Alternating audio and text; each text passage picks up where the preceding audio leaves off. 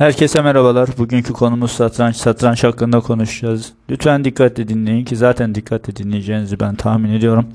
Satrançla ilgilenenler satrancın neden bugün konu olarak seçildiğini hemen öğrenecekler. Şimdi arkadaşlar satranç konusunda ben eskiden çok başarılıydım. Son zamanlarda çok takip edemez olmuştum. Satranç oynayamaz olmuştum ama Satrancın son zamanlardaki trend bir spor haline dönüşmesini sağlayan güzel bir diziden sonra buna vesile olduğu için de ayrıca o dizinin e, başarılı olmasını çok arzuluyorum. Satrancın başarılı olması, dizinin başarılı olması, satrancın yaygın olması, başarılı olması demeyelim saçma bir tanımlama olur. Satrancın yaygınlaşması gerçekten önemli. Zekayı kullanabilmek adına satrancın çok önemli bir spor olduğunu düşünüyorum. Zekamızı başka başka konularda kullanmaya meyilli bir toplum olmamızdan mütevellit. Aslında satrancın çok fayda sağlayacağını düşünüyorum. Satrançla ilgili konuşacaklarım satrancın tarihsel durumu ile ilgili vereceğim bilgiler değildir tabii ki. Bunları başkaları versin, başka mecralar versin. Bu benim alanıma girmiyor. Alanımız hepsinden biraz yani bir konuda anılarımızdan bahsedeceğiz. Daha çok bildiğimiz, yaşadığımız, gördüğümüz şeyleri anlatmaya çalışacağız. Tabii bunlar özet özet şeklinde olacağı için hepsinden biraz ismini koyduk podcastımıza. Hepsinden biraz özet. Özetler tatmin edicidir. Tatmin edici olduğunu göreceksiniz. Çünkü ben zaten bir haftalık askerlik yapmış biri olarak bile o askerliği 6 ay ballandıra ballandıra anlatmış biriyken e, satrançla ilgili anılarımı hayli hayli tiyatral bir şekilde anlatabileceğimi düşünüyorum. Eskiden çok iyi bir satranç oyuncusuydum. Liseler arası turnuvalara katılırdım. Son zamanlarda dediğim gibi oynamayı bıraktık ama Queen's Gambit diye bir dizi bunu tekrar hayatımıza soktu. Satranç satışları patladı. Satranç satışlarının patlaması mutluluk verici. Ama diziyle eş zamanlı bittiği zaman dizi bittiğinde onun da bitmesi kötü olur. Bu nedenle ben bunu tabii ki arzu etmiyorum. Satrançla ilgili bir köyümden bir örnek vereyim. Benim dedem 107 yaşında geçen sene 2020 yılında hayata veda etti. Onun bana anlattığı çok güzel bir anı vardır. Köyde herkes satranç bilirmiş. Bizim köyümüz Muş'un bir, bir ilçesine bağlı küçük bir köy. Toplasanız 30-35 hanesi vardır.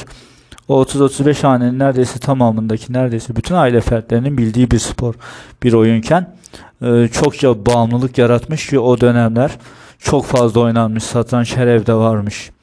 Her evde olduğu için de günün belli bir bölümünü değil neredeyse tüm bölümünü kaplayan bir oyun haline gelmiş. Köyümüzdeki insanlar genelde iskambil kağıtlarıyla kartlarıyla oynanan oyunlar tercih ederlerken okey oynamayı tercih ederlerken tamamen satrancı önermişler.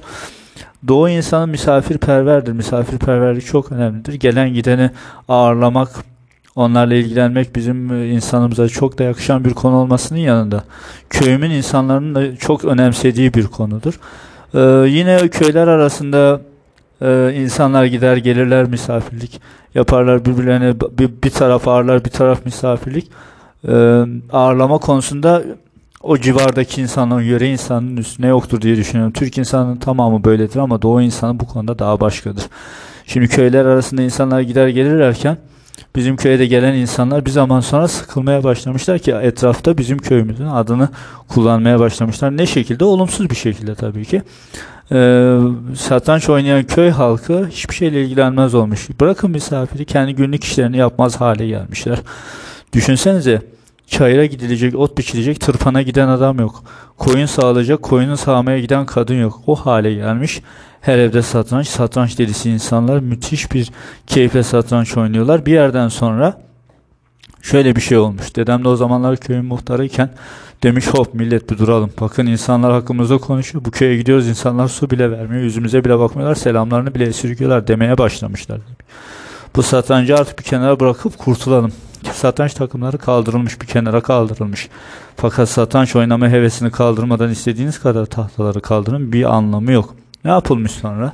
Tutmuşlar bütün satranç takımlarını yakmışlar. Dedem benim hayatta yenemediğim iki insandan biridir. Zaten üç tane insanla maç yapmışımdır. Tabii ki öyle bir şey yok. Çok insanla maç yaptım ama dedem ve dayımı yenmem mümkün olmadı. Dayım çok zeki bir insandır. Dedem de hile kabul ettiği bazı şeyleri, bazı konuları kabullenmediği için bir türlü yenemedim. Aslında hile değil fakat yenilmeyi sevmeyen bir adamın torunu olmamdan mütevellit böyle bir sorun yaşamadım. Yaşadığımı da itiraf etmek istiyorum.